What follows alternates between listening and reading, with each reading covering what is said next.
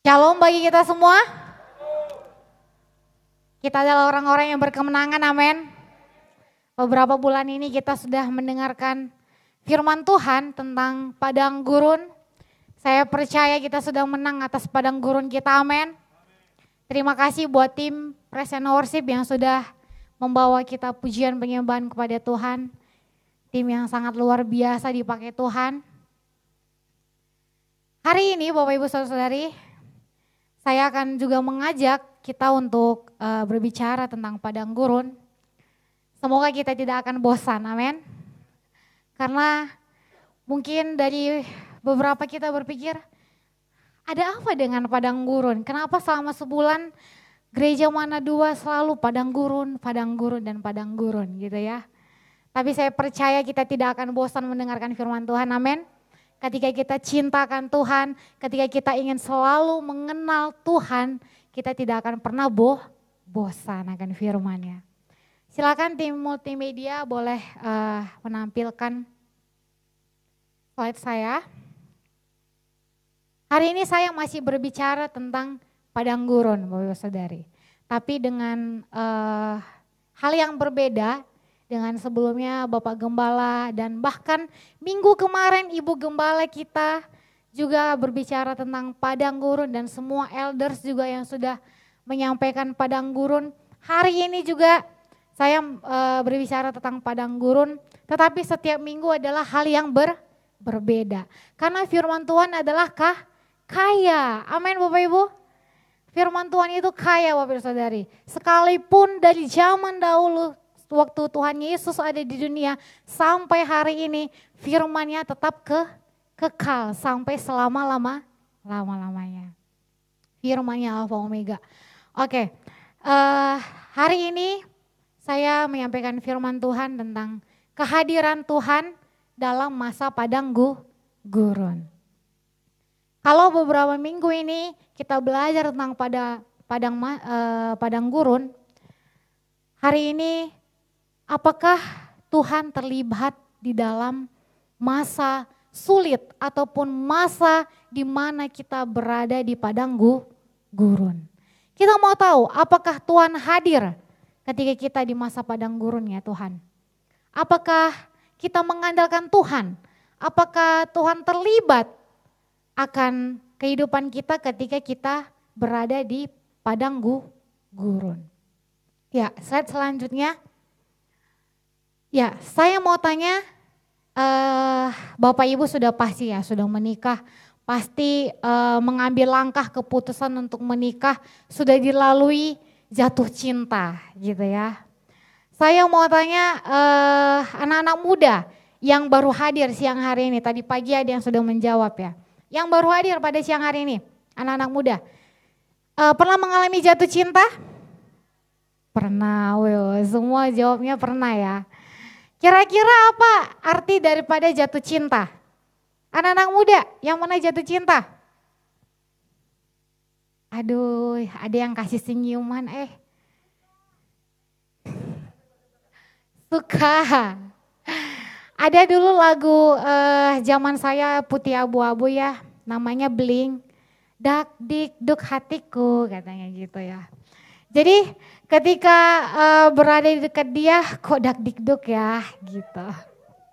Ketika dia berada di sekitar kita kok jantung ini berdebar-debar kencang ya gitu.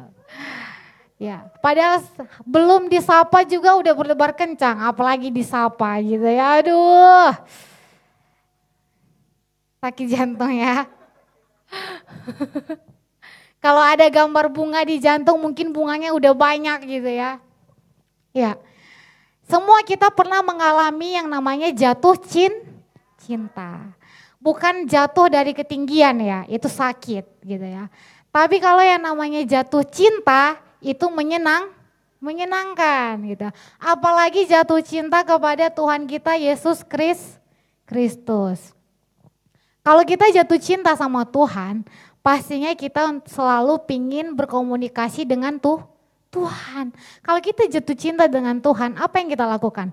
Pasti kita pingin selalu dekat dengan tuh. Bagaimana caranya dekat dengan Tuhan? Baca eh Eba. Saya yakin semua zaman mana dua ikut dalam grup EBA ya. Enak baca Alkitab. Jadi uh, di samping slide jatuh cinta ada yang namanya bucin. Uh, bahasa zaman now gitu ya. Anak zaman now. Bucin, budak cinta. Namanya juga budak cinta ya. Apa sih arti bucin? Uh, belum ya Karan, jangan dulu di uh, tuh tampilkan. Siapa yang tahu apa arti bucin? jadi bodoh. Ada yang tahu? Mungkin Bapak Ibu yang sudah mendengar bahasa anak muda zaman now ini rasa suka berlebihan. Oke, dunia milik berdua, yang lain cuman apa? Numpang gitu ya. Yang lain minggir, dunia cuma milik berdua gitu ya. Coba uh, Karan tampilkan apa sih arti bucin? Arti bucin yang pertama adalah manusia yang maunya romantis dengan daya nalar di bawah rata-rata di bawah rata-rata nalarnya. Kenapa? Karena tadi ada yang bilang bodoh gitu ya. Bodohnya kenapa? Semua ingin dilakukan untuk menyenangkan hati seorang kekah kekasih gitu ya. Yang kedua, Orang yang rela melakukan apa saja demi orang yang dia cin, cintai. Gitu ya. Apa pun dilakukannya gitu ya.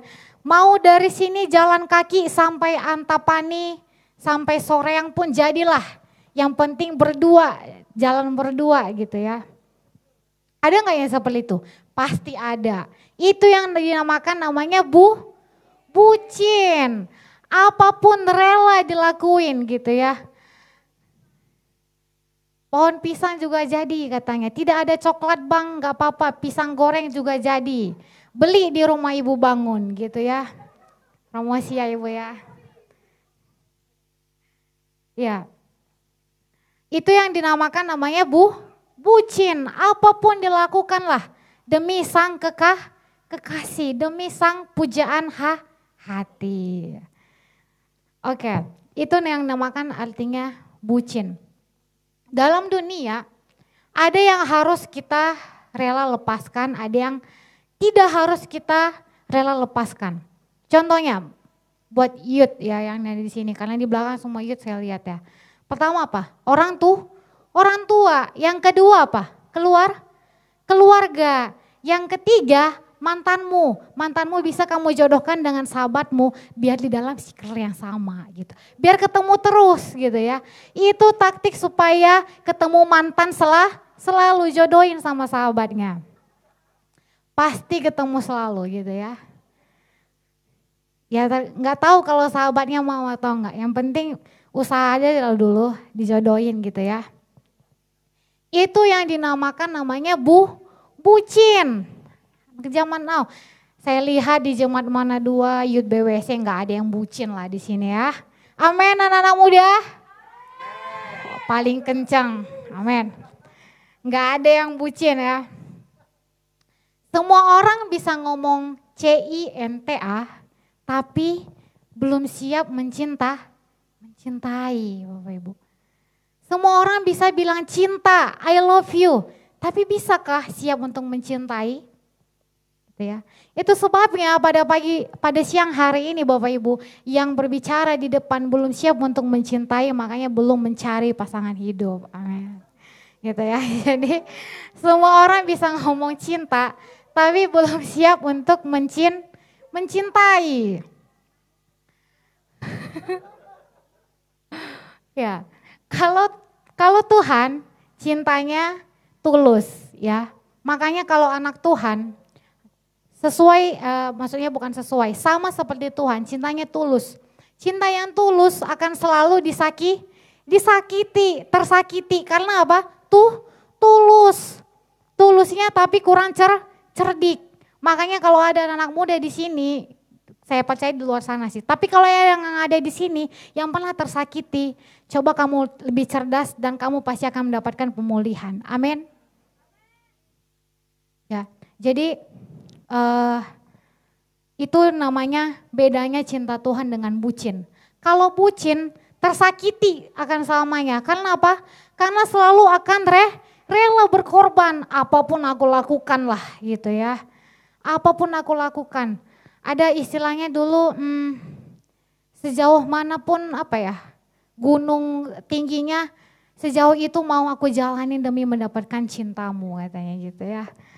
Itu namanya bu bucin. Gitu. Ya slide selanjutnya Ren. Ya, kita mau lihat uh, ini nggak ada backsoundnya ya, semua pemain musiknya ke bawah ya.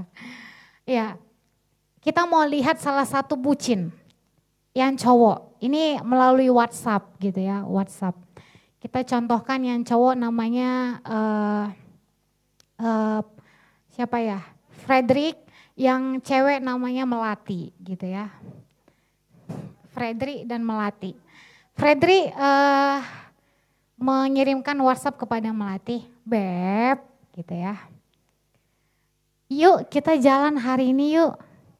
Datang Melatinya bilang, wah jadi kamu nggak ikut acara anniversary orang tua kamu yang ke-50 sayang? Dia bilang gitu.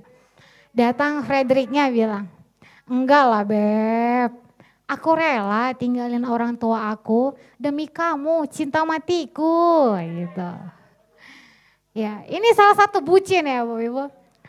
Datang melatihnya apa? Uh, aku terharu. Kamu benar-benar kayak malaikat yang jatuh dari sorga, Beb. Malaikat yang jatuh dari sorga tertulis dalam Alkitab siapa, Ibu? Lucy, Lucifer. Jadi anak-anak muda jangan sampai tertipu dengan pujian dan gombalan gitu ya. Tapi zaman now ini nggak hanya para lelaki ya sih yang suka gombal. Sekarang yang cewek juga suka gombal gitu ya. Selanjutnya, ini salah satu contoh bucin anak-anak muda. Selanjutnya coba Ren. Nih, selanjutnya ini. Uh, tadi Frederick yang sekarang namanya Joko dan uh, Joko dan uh, siapa ya? Dinda. Gitu ya. Ini uh, ceweknya yang duluan gitu ya. Halo Beb katanya. Nggak dibalas sama cowoknya halo beb lah gitu ya karena nggak dibalas lah lagi sibuk apa sih beb sampai nggak respon gitu. Datang uh, si cowok dengan uh, lembutnya halo beb sorry baru respon gitu. Aku nggak penting lagi ya? Wah kayak gini nih sering kali ceh cewek. Aku nggak penting lagi ya di mata kamu? Kok nggak balas sih wa aku? Gitu. Lalu uh, datang si cowok, bukan gitu beb, aku lagi ngambil gosen. Aku lagi ambil kiriman barang buat kado anniversary yang kamu minta. Coba nih, si bucin kira-kira balas apa? Bapak ibu saudara dari. Coba selanjutnya Ren, si bucin kira-kira balas apa nih? Ih, langsung berubah ya. Ih, sayangku, sorry beb, maklum aku lagi dapet. Kamu kan ngerti kalau aku nggak kayak gitu. Langsung beru, berubah karena apa? Karena cowoknya tadi lama balas WhatsAppnya karena mencari kah kado buat perayaan anniversary mereka gitu ya. Langsung berubah nggak ceweknya? Langsung dong gitu. Datang cowoknya bilang apa? Iya beb aku ngerti banget kok sama kamu. Kasih itu kan percaya segala sesuatu. Ini orang yang rohani nih. Biasanya jadi worship leader dan singer kayaknya gitu ya. Tapi bukan di sini. Amin anak-anak youth BWC. Amin. Slide selanjutnya. Ya tadi masa pacaran. Ketika menikah ya. Uh, giliran Bapak Ibu ya. Bapak Ibu yang sudah menikah. Masihkah ada cinta sampai hari ini di hubungan kita uh, sebagai suami dan istri? Masihkah cinta yang sama sampai hari ini? Masihkah jatuh cinta terhadap suami ataupun istri? Gitu ya, sampai hari ini. Seringkali apa? Kalau sudah menikah lebih cuek ya. Apalagi kalau lagi jalan di mall, lagi uh, bersama anak-anak, kadang udah malu gitu pegangan tangan gitu ya. Apalagi kalau uh, di tanah kelahiran saya ya di Medan itu kurang harmonis gitu. Karena saya lihat gitu ya.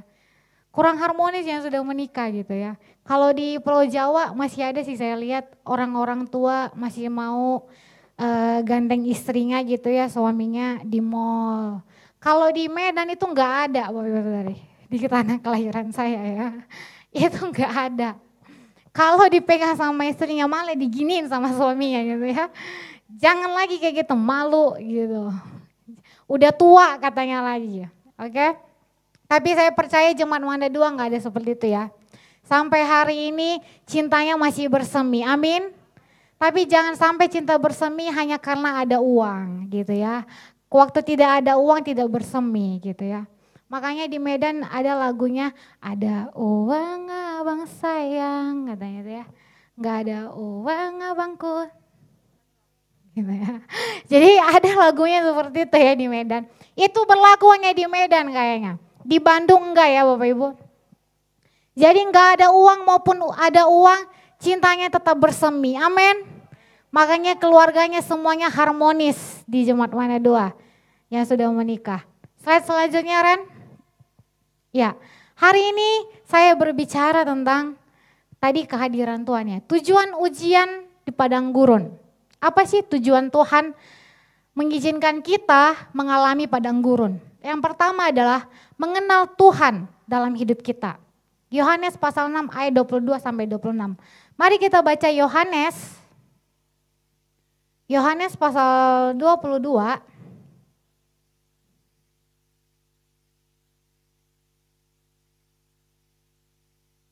Pasal 6 ayat 22 maksud saya ya betul. Yohanes pasal 6 ayat yang ke-22 ayat yang ke-22 sampai ayat yang ke-26. Ya, saya minta secara bergantian nanti uh, kaum Bapak Ibu maksudnya yang uh, sudah menikah boleh ayat 22, bagi anak-anak muda yang ada di belakang ayat 23 sampai nanti ayat 26 secara bergantian. Silakan uh, monggo Bapak Ibu duluan ayat 22. Boleh dibaca?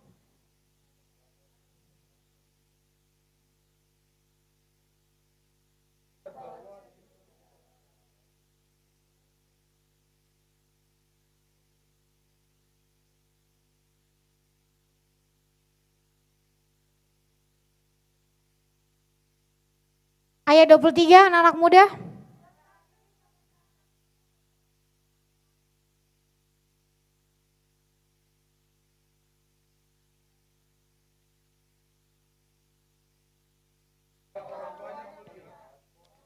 Tidak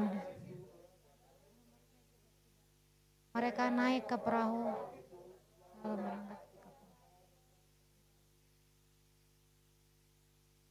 menemukan Yesus di seberang laut itu, mereka berkata kepadanya,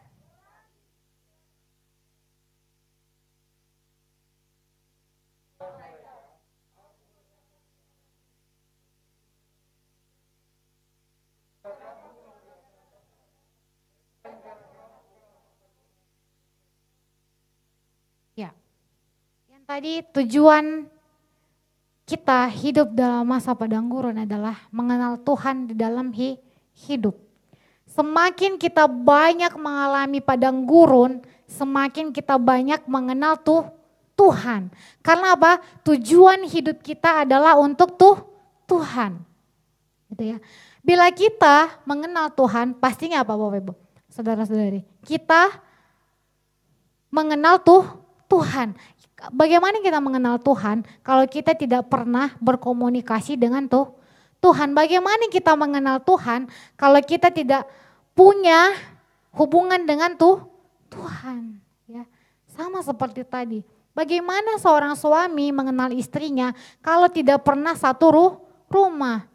Uh, mohon maaf ya kalau ada yang ini ya. Bukan maksudnya menyindir.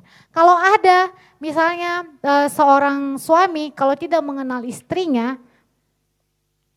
tidak mengenal, e, maksudnya bagaimana seorang suami mengenal istrinya kalau tidak pernah bareng di, ru, di rumah, sibuk ker, kerja gitu ya. Inilah pengenalan akan tuh Tuhan sama dengan kita orang Kristen. Bagaimana kita bisa mengenal Tuhan kalau kita nggak punya hubungan dengan tuh Tuhan? Lalu bagaimana caranya kita punya hubungan dengan Tuhan? Melalui membaca firman tuh Tuhan. Saya percaya semua ikut Eba ya di tempat ini. Ya. Kalau kita ikut Eba, pastinya kita akan terus membaca firman tuh Tuhan gitu ya. Banyak pengikut Kristus ya pada hari-hari ini berada di zona nyaman. Ketika dia berada di zona nyaman, dia mempertahankan zonanya nyaman itu. Dia lebih memilih mempertahankan zona nyaman daripada beranjak dari zona nyaman itu dan mencari hal-hal yang baru gitu ya. Ketika dia berada di zona nyaman, dia lebih baik mempertahankan apalagi mengejar lebih nyaman lagi gitu ya. Zona yang lebih nyaman lagi. Ada banyak beberapa orang Kristen yang selalu mencari tempat ibadah bagaimana saya bisa diberikan kebutuhan saya. Bagaimana apa yang akan saya dapatkan ketika saya beribadah. Harusnya apa Bapak Ibu? Ketika kita beribadah kepada Tuhan, kita datang kepada Tuhan, kita yang harus membe memberi, amin. Kita yang harus memberi kepada Tuhan. Bukan sebaliknya gitu. Kita beribadah kepada Tuhan, kita datang ke gereja tersebut, kita selalu berpikir apa keuntungan yang akan saya ambil di gereja tersebut. Apa yang akan saya dapatkan di dalam gereja tersebut. Saya yakin zaman mana dua nggak ada yang seperti itu ya di gereja lain, gitu ya. Seringkali orang Kristen seperti itu. Makanya di dalam Yohanes pasal 6 ayat 22 sampai 26 tadi, pada zaman itu ada banyak orang-orang yang mencari Yesus hanya karena mencari ber, berkat. Karena apa? Pada waktu itu Yesus memberi roh roti kepada mereka supaya kenyang. Bagaimana supaya mereka kenyang? Makanya ketika mereka mencari Yesus bukan karena untuk mengenal Yesus, bukan karena mencari bagaimana siapakah orang ini sehingga dia bisa melakukan tanda-tanda heran dan ajaib dan mujizat. Bukan seperti itu pada waktu itu orang-orang yang dalam kitab Yohanes. Tapi apa? Karena Yesus memberikan mereka roti sampai kenyang, mereka mencari berkat dari Yesus. Kalau zaman sekarang artinya apa? Selalu mencari aji mum, mumpung yang mana yang gratisan kita akan selalu lari ke situ gitu ya. Jangan sampai kita seperti itu Bapak Ibu Saudara. Jangan selalu aji mumpung. Mencari yang gerah gratisan. Di mana ada gratisan, kita selalu berusaha berada di situ. Yang seharusnya yang Tuhan inginkan, kita anak-anak Tuhan, Selagi berkat-berkat Tuhan tercurah buat kita, di mana ada kita, di situ ada saluran ber, berkat. Bukan kita yang mencari gratisannya, tapi orang yang mencari kita karena kita adalah saluran ber, berkat. Amin. Itu sebabnya firman Tuhan pada hari ini, Yohanes pasal 6 ayat 22 sampai 26 ini. Jangan sampai kita sama seperti orang-orang seperti ini. Mereka mencari Yesus, sampai menyeberangi se pakai perahu gitu ya untuk mencari perahu Yesus di mana perahu Yesus gitu ya. Saya mau mencari Yesus. Padahal mereka mencari Yesus bukan karena tanda heran, bukan karena mujizat yang Tuhan lakukan, bukan karena uh, bahasa anak mudanya kepo dengan Tuhan. Apalagi ya yang dia buat? Siapakah dia? Siapakah sosok ini sehingga dia bisa melakukan perkara-perkara yang ajaib? Bukan seperti itu yang dicari. Tapi apa? Roti supaya mereka kenyang. Makanya ayat 26 dikatakan Yesus, aku berkata kepadamu sesungguhnya kamu mencari aku bukan karena kamu telah melihat tanda-tanda, melainkan karena kamu telah makan roti itu dan kamu kenyang. Ini jelas ya. Itu sebabnya Bapak Ibu, saudaraku yang terkasih, stop menjadi orang Kristen yang selalu menjadi mencari berkat. Stop menjadi orang Kristen yang selalu meminta pertolongan. Stop menjadi orang Kristen yang selalu mau memanfaatkan orang lain. Stop menjadi orang Kristen yang selalu memanfaatkan kebaikan orang lain. Stop menjadi orang Kristen yang selalu mencari-cari berkat apalagi di gereja gitu ya. Apalagi di tempat ibadah. Apalagi kunjungan terhadap sesama jemaat gitu ya. Kita selalu memilih-milih gitu. Di mana kita berkunjung jemaat yang bisa pulangnya salam tempel, di situ kita selalu berada gitu ya. Sesama jemaat gitu. Jangan sampai seperti itu. Harusnya apa? Kita yang selalu menjadi saluran ber, ringan tah, ringan tangan gitu ya. Saya sendiri masih belajar sampai hari ini, wow gitu ya. Ternyata Yesus sebagai sumber berkat itu mau memberikan berkatnya kepada kita kalau kita mau memberikan berkat itu kepada orang lah, orang lain. Saya contohkan Bapak Ibu, sumber berkat adalah siapa tuh? Tuhan. Tuhan memberikan berkat kepada kita, lalu berkat itu kalau diam di dalam kita, kira kita menjadi saluran berkat enggak? Enggak ya. Kalau hanya diam di dalam diri kita ya. Tapi ketika Tuhan memberikan berkat itu kepada kita dan lalu kita bagikan kepada orang lain, percayalah Tuhan akan memberikan berkat yang lebih besar. Tuhan mempercayakan umatnya berkat-berkat yang lebih besar kalau kita selalu ringan tah tangan. Kita selalu membe, memberi, kita selalu memberkati orang lain, kita selalu menjadi saluran berkat. Di mana ada kita, orang-orang pada senang gitu ya. Wah, di mana ada ibu panjaitan, baik sekali ibu itu ketika kami ke rumahnya ya. Ibu itu sangat senang sekali, ibu itu menyediakan banyak sekali di rumahnya makanan dan minuman. Amin Ibu Santi ya. Jangan sampai kita selalu menjadi pencari berkat. Sama seperti orang-orang yang pada zaman Yesus di Yohanes pasal 6 gitu ya. Jangan sampai kita mencari keuntungan kita sendiri. Di mana kita berada, di mana ada keuntungan itu, di situ kita berada. Bagaimana supaya kita beruntung? Ketika dalam angkutan umum ada penumpang yang tidak kasih ongkos, kita marah-marah. Mana ongkosnya? Sambil berteriak sampai orang-orang yang melihat kita cuek gitu ya. Tapi di sini saya lihat nggak ada, semua bayi-bayi bapak-bapaknya ya. Cuman saya belum pernah aja uh, naik angkot gitu ya. Saya mau mencoba sih naik angkot. Bagaimana gitu ya. Jumat mana dua. Gitu. Banyak uh, pengalaman saya naik angkot dulu waktu SMA gitu ya. Sampai dikejar sama supir angkotnya gitu. Mungkin anak SMA-nya nggak punya uang atau bagaimana, saya kurang tahu juga. Ini Tuhan mau kita selalu menjadi saluran ber, berkat. Yang kedua, next Ren, mengerti karena ya ini tadi hubungan kita kepada Tuhan ya, bagaimana hubungan kita dengan Tuhan. Ya, uh, slide sebelumnya Ren boleh. Ya ini saya gambarkan adalah dalam kehidupan kita, kita selalu pastinya ada yang kita capai dalam hi hidup. Anak-anak muda yang mau dicapai apa? Kesukses, kesuksesan, berhasil dalam pendidikan, berhasil mencapai pendidikan, yang masih kuliah berhasil wisuda gitu ya, berhasil S1, berhasil sarjana ini, sarjana itu, berhasil mencari menjadi orang yang sukses. Kalau para orang tua apa? Berhasil naik level, naik jabatan dalam pekerjaannya. Berhasil mendapat pekerjaan yang bagus gitu ya. Berhasil mendapatkan uh, gaji yang banyak gitu ya, gaji yang tinggi. Tapi dalam hidup ini tidak salah memang seperti itu. Dalam hidup ini fokusnya, tujuan kita dalam hidup bukan hanya hal-hal yang berbau dunia, dunia. Tapi apa? Tuh Tuhan. Makanya saya buat tanda panah ya. Fokus kita hidup di dunia ini adalah tuh Tuhan, bukan hal-hal yang duniawi gitu ya. Tidak salah kita berhasil dalam Tuhan. Kita berhasil dalam pendidikan karena nama Tuhan dipermuliakan. Kita berhasil dalam pendidikan kita mau supaya Tuhan dipermuliakan dalam hidup kita. Amin anak-anak muda.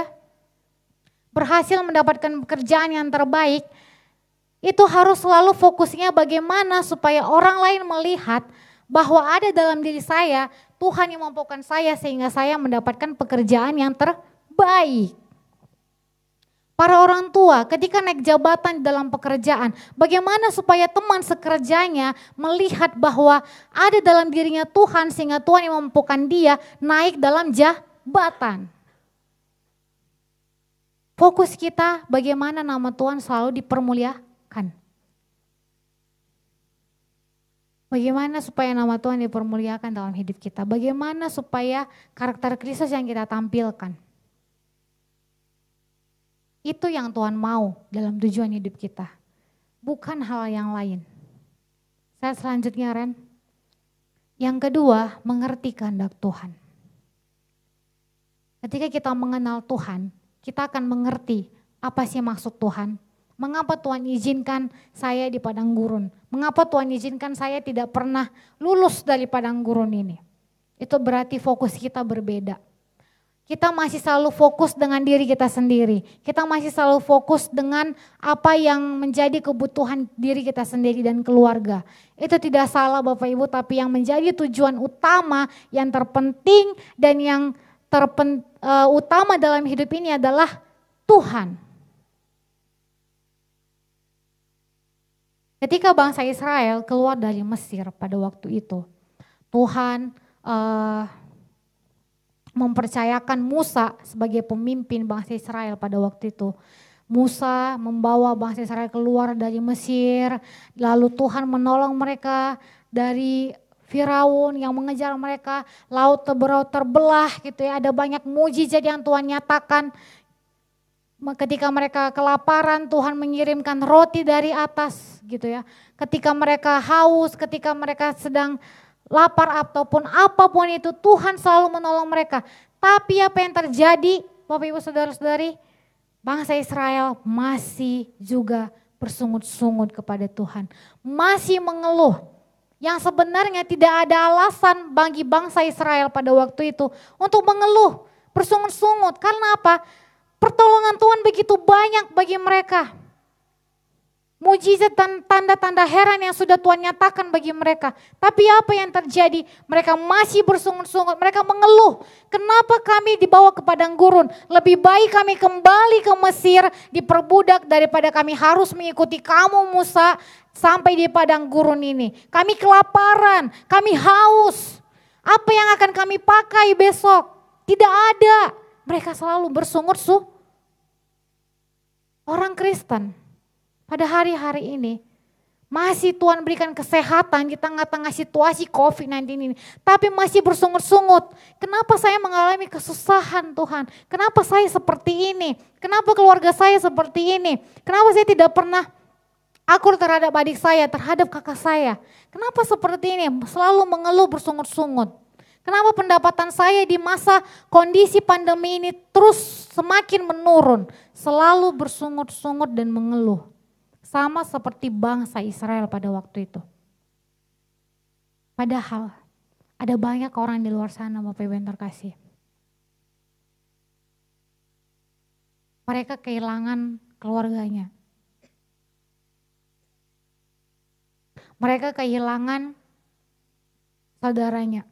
Ada banyak anak-anak yang masih kecil kelas 5 SD tapi sudah harus menerima kehilangan kedua orang tuanya karena COVID. Yang masih orang tua yang masih memiliki anak masih kecil harus kehilangan anaknya karena kena COVID. Gitu ya. Ada teman saya yang tadinya mau menikah dalam waktu dekat ini, tiba-tiba mertuanya meninggal. Tidak jadi menikah. Ada banyak persoalan dihadapi di luar sana. Mereka menangis karena kehilangan keluarganya. Mereka tidak tahu berbuat apa-apa. Kita yang sampai hari ini masih dipelihara Tuhan, masihkah ada alasan untuk kita bersungut-sungut? Masihkah alas, ada alasan kita untuk mengeluh kepada Tuhan? Masihkah kita bisa bersungut-sungut kepada Tuhan dengan pertolongan Tuhan yang sampai hari ini dalam keluarga kita? Ada banyak di luar sana Bapak Ibu, kalau kita lihat berita, seribu sekian itu setiap hari masyarakat Indonesia mengalami uh, kematian. Kematian yang terbesar di seluruh dunia. Bangsa kita pada hari-hari ini mengalami kematian yang terbesar di seluruh dunia. Kalau kita baca berita. Dari Sabang sampai Merauke.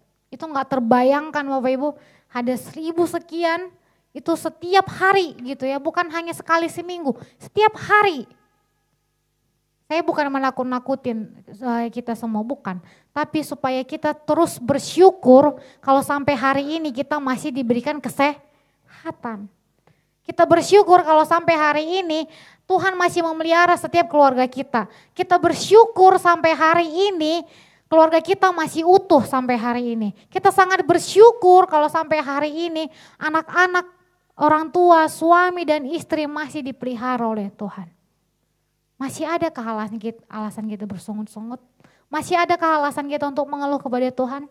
Ketika kita nggak ada duit, ketika kita mengalami pendapatan yang menurun, ketika beras tidak ada lagi di rumah, masih ada alasan kita bersungut-sungut kepada Tuhan? Masihkah kita mengeluh kepada Tuhan?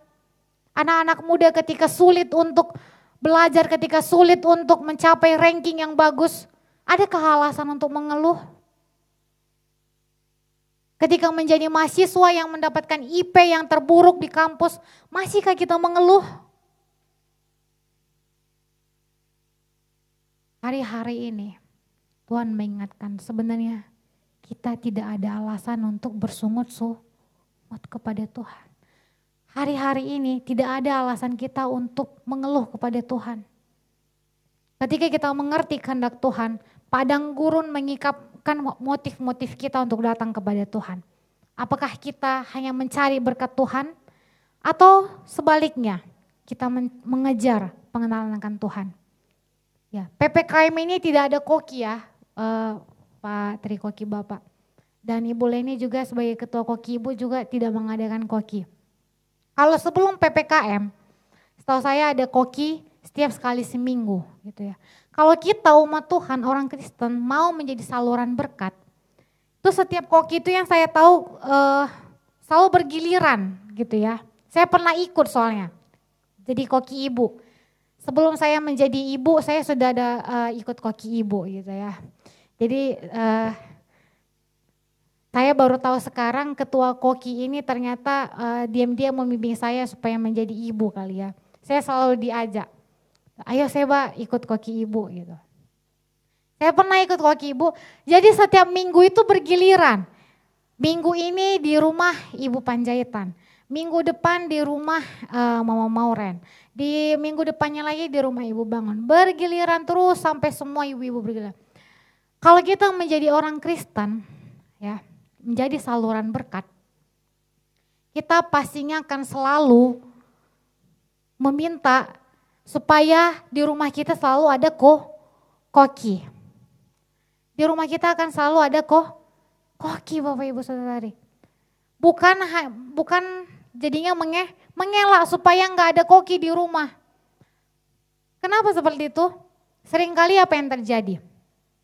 Kita mengelak supaya nggak ada koki di rumah kita hari ini janganlah di rumah saya. Harusnya orang Kristen bukan seperti itu ya. Harusnya apa? Selalu menjadi saluran berkat. Selalu ringan tangan. Kapan lagi ya di rumah saya koki? Saya senang sekali kalau di rumah saya koki gitu ya. Ada ibadah di rumah saya. Karena di mana ada ibadah setiap hari, sering ada ibadah di rumah kita. Maka Tuhan akan mengirimkan berkat-berkat Tuhan ke dalam ruh rumah kita. Amin Bapak Ibu Saudari. Jangan pernah mengelak janganlah di rumah saya, apalagi tidak ikut koki, gitu ya. Ini saya membantu ketua kokinya nih supaya ikut koki. Apalagi tidak ikut koki sama sekali, gitu. Yang ikut koki, marilah kita akan selalu berebut.